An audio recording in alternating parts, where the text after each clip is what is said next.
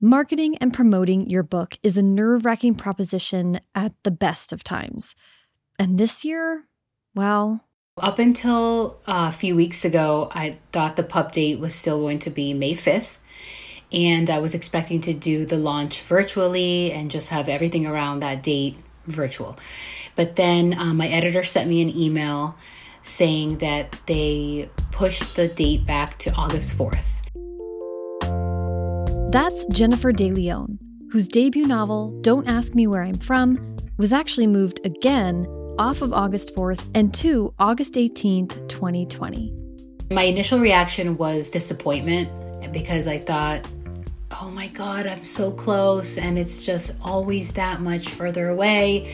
I mean, the book, we sold it in January 2018. So it's already like two and a half years ago. And and I just feel like, you know what I feel? It's like I'm pregnant and like the due date keeps getting pushed back. And I'm like, oh my God, when can I just give birth already? But Jen's publisher made that change in order to better support her book, and they had contingency plans at the ready. Simon and Schuster was great about immediately sending me um, these kind of um, pictures or logos or whatever to put on social media, saying like new new pub date, you know. So that was great. So, Jen is making the adjustments and preparing for a virtual launch. I just have been trying to embrace like virtual reality, I guess. Like, I've never been a big technology person. I do like bare minimum with social media. And now suddenly I'm like, I need to get a ring light. In some ways, Jen's story is unique because coronavirus changed pub date. But honestly, marketing and promoting every book is a unique challenge. It requires a lot of forethought, planning, and consistent execution from both publisher and author.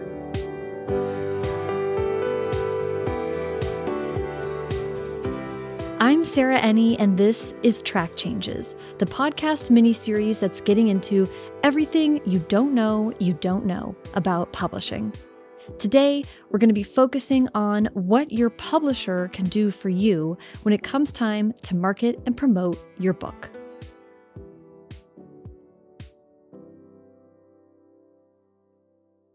And I'm just going to cut right to the bad news.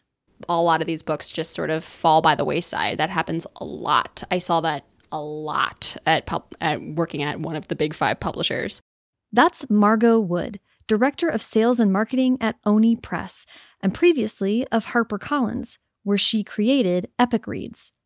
Margot's also a writer, and her debut novel is coming out in fall 2021 from Abrams. One of the most common questions I get as a former Big Five marketing publisher person is how do I get my marketing plan or how can I hold the publisher accountable to making sure that my title in my book is getting the best, you know, limelight that it can possibly get? First, let's start with the difference between publicity and marketing. Publicists work on getting you press, and they also handle the front facing parts of promoting a book, like scheduling tour events and interviews. The thing about publicists is when they pitch your books to journalists at media outlets, interest is not guaranteed. They're at the mercy of the journalist at that outlet who may or may not take an interest in the project. Marketing, meanwhile, Marketing, for the most part, is a lot of the like behind the scenes stuff. So that's presenting your title to the rest of the company and getting everybody hyped on it. You always need a hype person for your book internally. They're doing all the galleys. Marketing is putting together those those plans on the back of the book. They're writing those all of that copy. They're doing all the social media stuff. They're kind of doing a little bit of everything. Unlike publicity, marketing is guaranteed. They create marketing materials like galleys, social media posts, and ads, and then put them in the world. Every big publishing house has a marketing department that includes both marketers and publicists. Those departments have a budget, and that budget gets split between all the different titles that publisher is putting out. But how many titles are we talking about? When I was at Harper, we published, I think, 200 YA titles in a year, in a single calendar year. Okay, so the marketing department has an annual budget, and they split that evenly across all the titles they release, right? I wish that I could say that that is how it is done, but it's not actually how it's done. Margot says in reality, the marketing budget is split unevenly among three tiers of titles. You have your lead titles, and then you have your mid list titles, and then you have the stuff that's going to get printed, and then it's going to get the bare minimum. Lead titles are the books every season that publishers decide to give a big push. Some publishers might be like they pick five titles every season, and those five titles are it. Everything else, like fall in line underneath those five titles, but like these are the ones that get the tour. These are the ones that get all the advertising. These are the ones that get the, those big banners at BEA. Some houses pick one. They pick one title per season. If you are a tier one lead title, you'll know. And a tier one title may get mm, $25,000 or more in marketing. Then there's tier two titles, which we sometimes call mid list. One publisher told me they prefer books with breakout potential. A tier two title might get, oh, between ten and twenty thousand dollars of marketing. There's, you know, an industry thing where it's like mid list is death. And it's I hate to say it, but too often I saw mid list titles get the bare minimum and they come and they go, and that's about it. And if they didn't hit the New York Times bestseller list right out the gate, they're kind of forgotten about. And then if they signed a two book deal, that second book, that's going to get even less marketing. If they have a three book deal, God help you. The mid list author has a lot of responsibility to step in and use their platform and connections to generate interest in their book. And then there's what we're going to refer to as lower tier titles. I want to be clear, we are purely discussing tiers of marketing and publicity, not reflecting on the artistic merit in any way. It's a sad and strange reality that sometimes publishers buy books and then just don't give them very much support at all when they come out. By low tier title, I mean it had a $5,000 marketing budget or less. Every house has their own different tiers for budgets, but I'll just speak to the one that I was at at the time. In those cases, it rests on the author to promote their book. So, what determines what tier you end up in? Often it comes down to three things level of advance, in house enthusiasm, and sales team buy in. A lot of it has to do with what numbers were they acquired at. You know, those books that get those million dollar advances, they better have a marketing budget because how else are you going to make money back on that book? But that's not always the case. We broke that down a bit in our episode on advances, establishing that there are definitely exceptions to this rule. Books acquired for a song that get all the support in the world, and books with huge advances that the publisher simply doesn't follow through with. Another factor we've touched on a little bit in this series is enthusiasm about your book in house. Another factor that is very hidden that most people don't know about, and I find this very, very, very fascinating, is how good is your editor at pitching your book to the marketing teams? In house enthusiasm starts with your editor. They had to hype your book to the acquisitions meeting to be able to buy it. And after working with you to get the book in its finest and final form, they then have to pitch it to the marketing department. Some editors are so damn good. Like they could be selling you a piece of poo, but you want to buy it because you swear that it is gold because they've just sold you so hard on it. If the marketing team is psyched, they're going to translate that into a robust and creative marketing plan. Then the marketing team takes that plan and its proposed budget and presents that to the sales department. The life cycle of your book begins about a year before your book goes on sale at a thing called sales conference. And what this is, is the marketing teams and the editorial teams are presenting your title to the sales department. And the sales department comprises of all these field reps. Field reps as in the publishing professionals who work directly with book buyers for Target, Walmart, Barnes & Noble, as well as independent bookstores, distributors, and wholesalers. They all come in and they sit around in a big conference room or they phone in and they're on a video screen and they all are in this big conference room and they present the next season's titles. And then the sales team takes those and then they go out and they sell your book. So the sales team enthusiasm is huge and could directly translate to thousands of books sold. Getting the sales team excited about your book is the most important thing you can ever possibly do. And it is the one thing authors have absolutely no control in. And you have to remember that because you are not there. You're not going to be presenting your own title. There are a few very rare exceptions to this. Like, remember a few episodes ago when Jen walked us through her opportunity to pitch at Sales Conference? This is why that was so monumental and such an invaluable opportunity. After the sales conference, based on the feedback that they get from those sales reps, that's when the marketing budgets are finally solidified. Let's take a look at this lower tier of in house marketing $5,000. That's not nothing. That's like a Geo Metro or a really great weekend in Vegas. Surely you can get a lot done with that. Well, there's not much you can do with that because that goes towards printing galleys, and galleys are very expensive. And that also goes towards any kind of, if you want to bring the author out for BEA or ALA, you have to cover that expense. Margot's referring to authors being flown out to attend Book Expo America and the American Library Association conferences, industry events that happen every year, or in the case of ALA, twice a year. If you're one of these lower tier books, there is hope. Sometimes those bare minimum titles, though, those are the ones that break out. Um, and that typically happens almost never by efforts done by the publisher, but almost entirely done by fan response and word of mouth. And Margot has one really great example of a book that broke out in just that way Simon versus the Homo sapiens Agenda by Becky Albertalli. That was not considered a lead title at all. At the time that that book was published, that was a low tier title. We're going to come back to Simon's success a little later.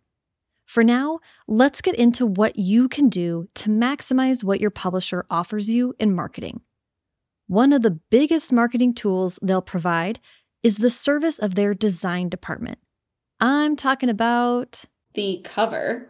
That's Christine Riccio, author of Again But Better and a booktuber whose channel, Poland Bananas Books, has more than 400,000 subscribers. Christine says that when the time came for her debut book to come out, the cover was a key concern. Because I know how much that has affected my book buying for the last 10 years. And if a book doesn't have a good cover, you just automatically skip it with your eyes on the shelf.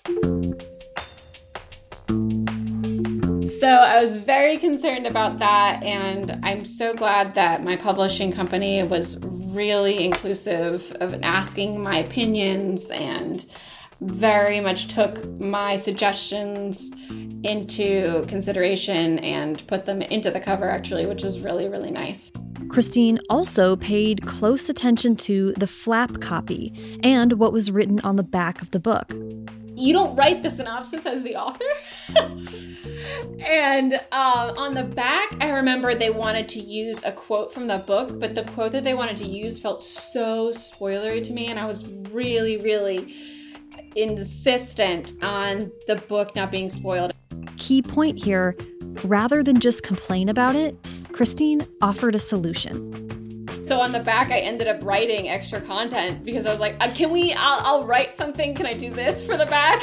and so I wrote out like a little journal entry because she has journal entries throughout the book um, for the back that just wasn't in the book, but you know, gave you an idea about what it's about.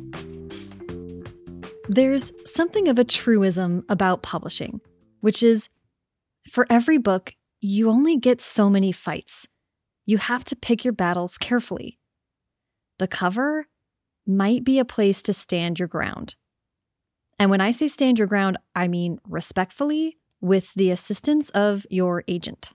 It's probably a small team that's working on your book. They're woefully underpaid and way overworked but also making sure that you know they're not like dropping the ball on your book too because you got to look out for you and your title this is your business and you should have a say in what's being done to promote your your book another thing that can be done with the assistance of your agent and your editor blurbs a blurb is a quote from another author endorsing your book the publisher can put that quote on the cover of the book or the back and in other marketing materials. Here's Jen again. I feel like everybody has their opinions on blurb etiquette.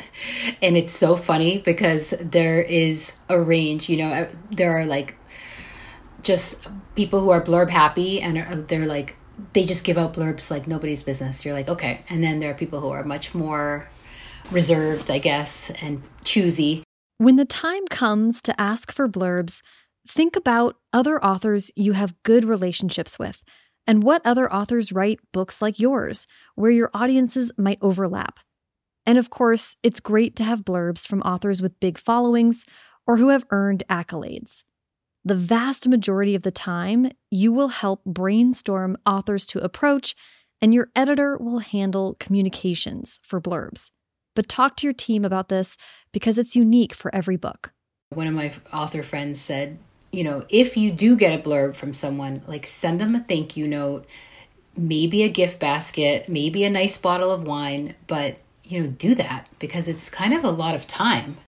Other blurbs or pull quotes used for marketing come from trade reviews at places like the School Library Journal, Booklist, or Kirkus.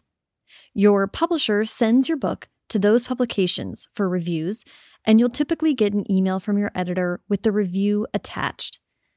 Blurbs are things you can put all over your website and social media as well. Okay, let's get back to that marketing plan Margot was talking about. She says step one is have your agent ask for that marketing plan so you can hold it in your hot little hands. But once you get it, how the heck are you supposed to understand everything that's in there? There are some tips and tricks that you can utilize to be able to understand what it means, what those things mean on your marketing plans. Because a lot of them are, are boilerplate, a lot of them are cookie cutter, and they're also very generic. And that's for a reason. And again, that's so that marketing teams can be more nimble and flexible with how they are going to be promoting your book. Margot, because she's awesome, offered to explain by walking through the marketing plan described on the back of one advanced copy of a YA book that came out in 2019. Okay, so I'm looking at a YA galley right now. I won't say which one. And on the back, there is a national marketing campaign. You're to see these a lot on galleys. Well, that was true when there were physical galleys anyway, but some of this information will also be listed on NetGalley and Edelweiss for digital galleys as well. Pre publication buzz marketing campaign. There's so many things that could mean. Does that translate to ads? Does that translate to um, sales pitches at things like a um, the American Booksellers Association? Does that mean galleys? So if you see a bullet point like that, it's okay to ask, can you please elaborate on this? And Margot says that if your publisher comes back and says, this is just the general stuff that we do for every title. And you know what? That's good. You want those things. They're all going to happen. So if that's what their explanation for that bullet point is, then that's fine. Okay, next bullet appearances and promotions at book festivals. Does that mean author appearances or are they just going to be like giving away and doing timed events things? Because if they're expecting you to do appearances, then you probably need to know that ahead of time. Your publisher pitches you for festivals. And Margot says that bullet is a really good one because festivals like BEA and ALA, but also the Decatur Book Festival or YALLFest or the North Texas Teen Book Festival, those are opportunities to interact directly with readers, and that generates word of mouth. Word of mouth is always and will forever be the best kind of marketing you can do. Thank you. Next. The next one we have, mm, my favorite national media campaign. so when they say that, that typically means advertising. But if you look up at the next bullet, it says National Consumer Advertising Campaign. So I guess then technically, national media campaign means publicity. So that's an important thing to note is how, like, every publisher has a different name for all of these things. And if you need clarification, it's okay to ask. Next. Next is a YA blog tour. I actually really like blog tours still. And I say bloggers and specifically mean bloggers, not like bookstagrammers or booktubers, but I do still think that book bloggers are incredibly valuable in the particularly the YA community in word of mouth marketing and getting the word out because like they are considered like trusted resources for book recommendations among their peers. And if you're doing an author tour, then they are dedicating hours and hours and hours of work that is unpaid to promote your book. And those are really good people to have in your corner. But what about those other book influencers? Here's Christine again. I feel like a great thing to do if you are an author and you want your promotion on Instagram or you want promotion on YouTube is to talk to your publishing company with, uh, about that straight off the bat. Like, I know that this is effective, so I'd like for you to maybe look into marketing in this way. And in fact, that was the next bullet on our marketing plan. Okay, here you go. Digital influencer campaign targeting booktubers, bookstagrammers, and other online tastemakers. So that sounds like they're going to be sending your galley around, maybe with a little tchotchke or something else, um, in hopes that they that they are going to be opening the book and you know posting pictures about it online. Something to consider here Bringing in third party marketers like influencers is a tricky area because the work that those folks do to promote your book is just that work. I think it's important to ask Does your publisher pay for these things? I don't believe in paying for reviews, but I do believe in paying people for their work, and these things are work. And if they say no, then I'll be like, well, then why don't I why don't you guys put your efforts towards someplace else and not like I will cover that because I do believe in, you know, fair compensation for fair work. Now, let's get back to the plan. The next bullet. Ooh, yay. My other favorite bullet point. Social media engagement campaign. That pretty much translates to you'll get maybe an Instagram post, maybe a few Instagram posts if you're lucky, and a couple of tweets. So, um, and it also depends on the publisher.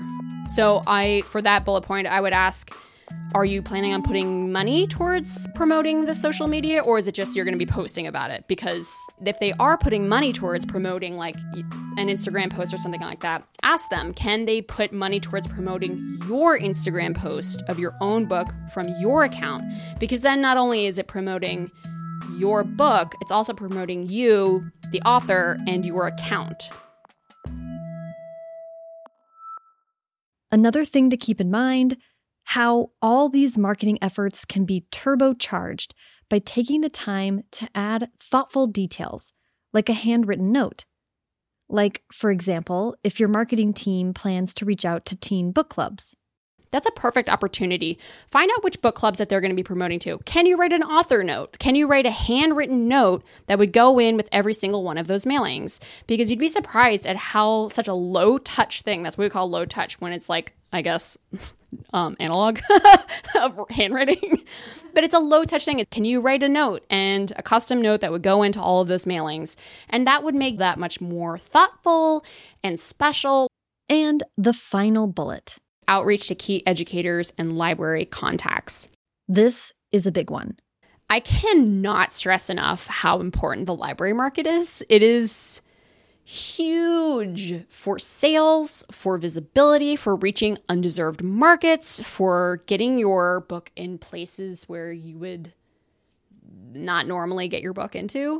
Margot says getting the chance to go to ALA or the Texas Library Association meeting or the National Council of Teachers of English conference is a huge deal.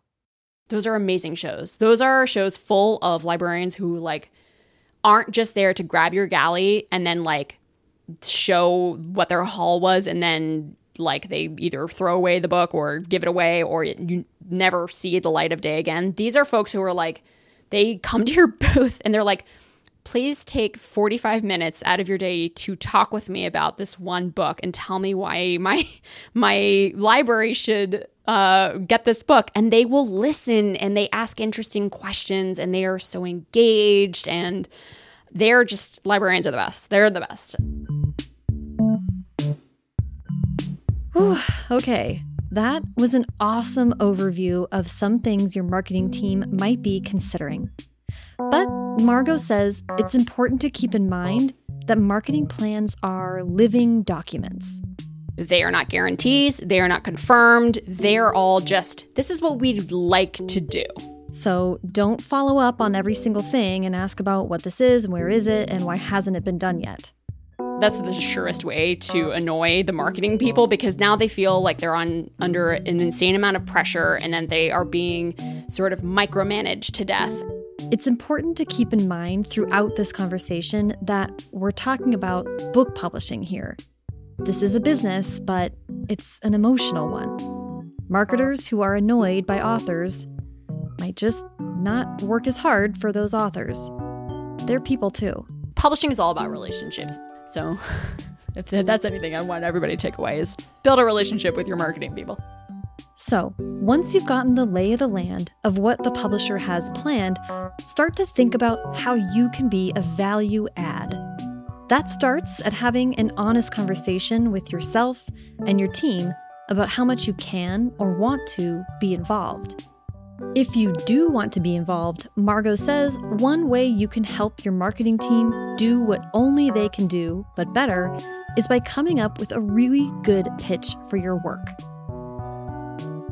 For the first thing I always say is learn how to sell your book in a sentence like an elevator pitch. I always use Dorothy Must Die as the perfect example because it is the Wizard of Oz, but now Dorothy is the biggest bitch. like it is the easiest sell in ever. Yeah, that there's way more happening in that series than just that pitch, but that hook, that hook is right there. So that elevator pitch, nail that elevator pitch. I was pretty partial to Margot's advice on how to hone a perfect pitch. What helps is think of yourself as Stefon from SNL and do the thing where it's like, this book, it's got everything. It's got blah, blah, blah. Just start naming off those things that it has. This place has everything Raffies, Yeti cabs, pedicabs driven by Yetis. Sure. Slow pokes, a woman with nowhere to turn. It might feel disingenuous. It might feel like, oh, but it's not expressing the true meaning and depth of this story. Okay, but you've got a salesperson who has to sell 100 titles in a two hour block. What is your pitch that's going to break through and cut through that noise? Here's a key thing to keep in mind when you're trying to think about maximizing marketing. What are things that an author can do just about as well as a publishing house? And what are doors that only a publishing house can pry open? Authors can do a lot. That's Jo Volpe, president and literary agent at New Leaf Literary and Media. I think more and more these days, and they also have access to more and more. Uh, in the time of social media, they can do, I mean, and newsletters and things like that, they can do a lot, frankly, in terms of reaching their audience. And if you have the resources, it's always an option to hire outside help. Authors can do a ton, and there are some incredible freelance publicists out there.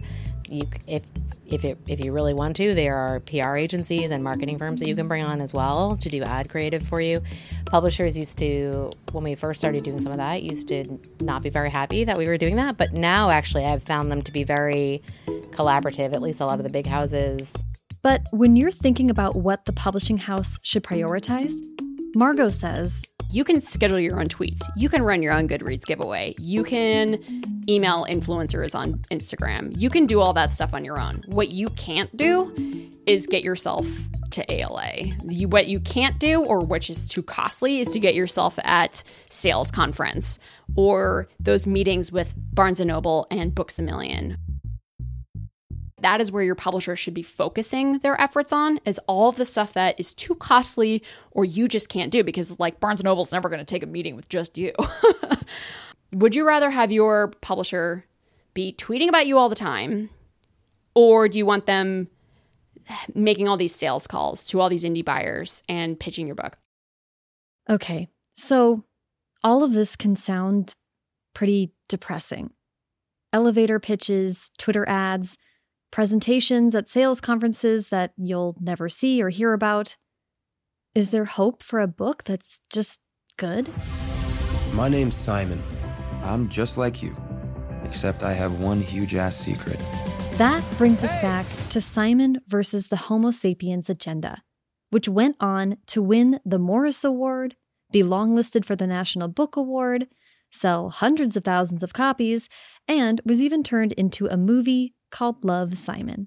Love Simon is one of my very favorite rags to riches marketing story for a book. So, like Margot said, Becky Albertalli's debut book was sold to Harper and it was given a low tier budget $5,000. They did not think that that book was going to do anything at the time because at the time, the books that were selling were these big epic fantasy trilogies, these big sweeping sci fi fantasy stories, not this standalone queer romantic rom com.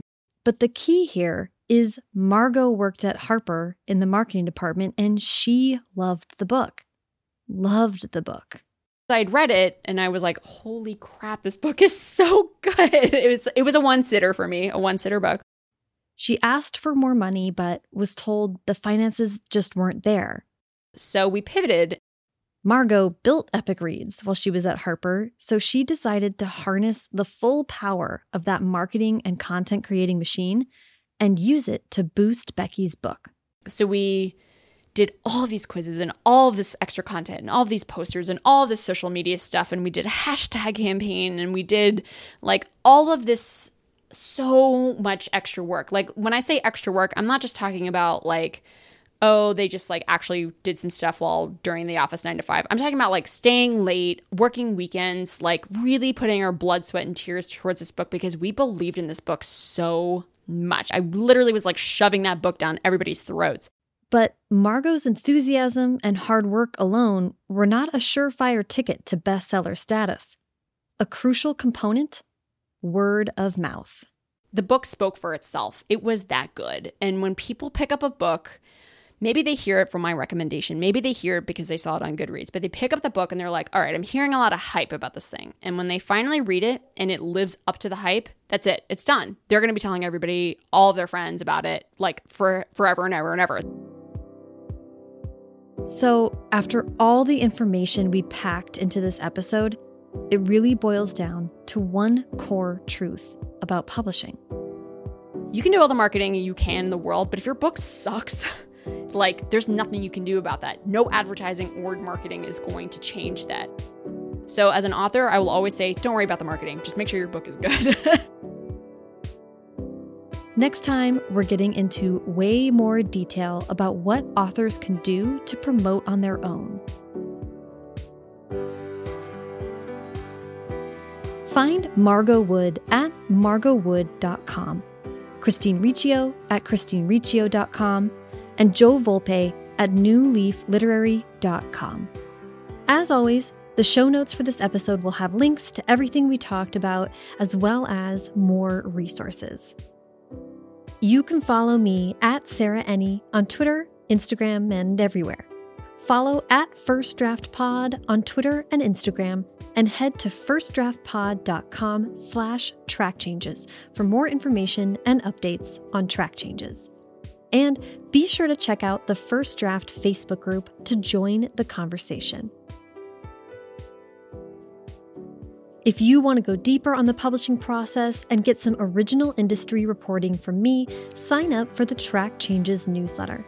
For $5 a month, the Track Changes newsletter hits your inbox every Thursday, sometimes Friday, with information to provide context, up to date, and behind the scenes data that will educate and empower you no matter what stage of the publishing journey you're at.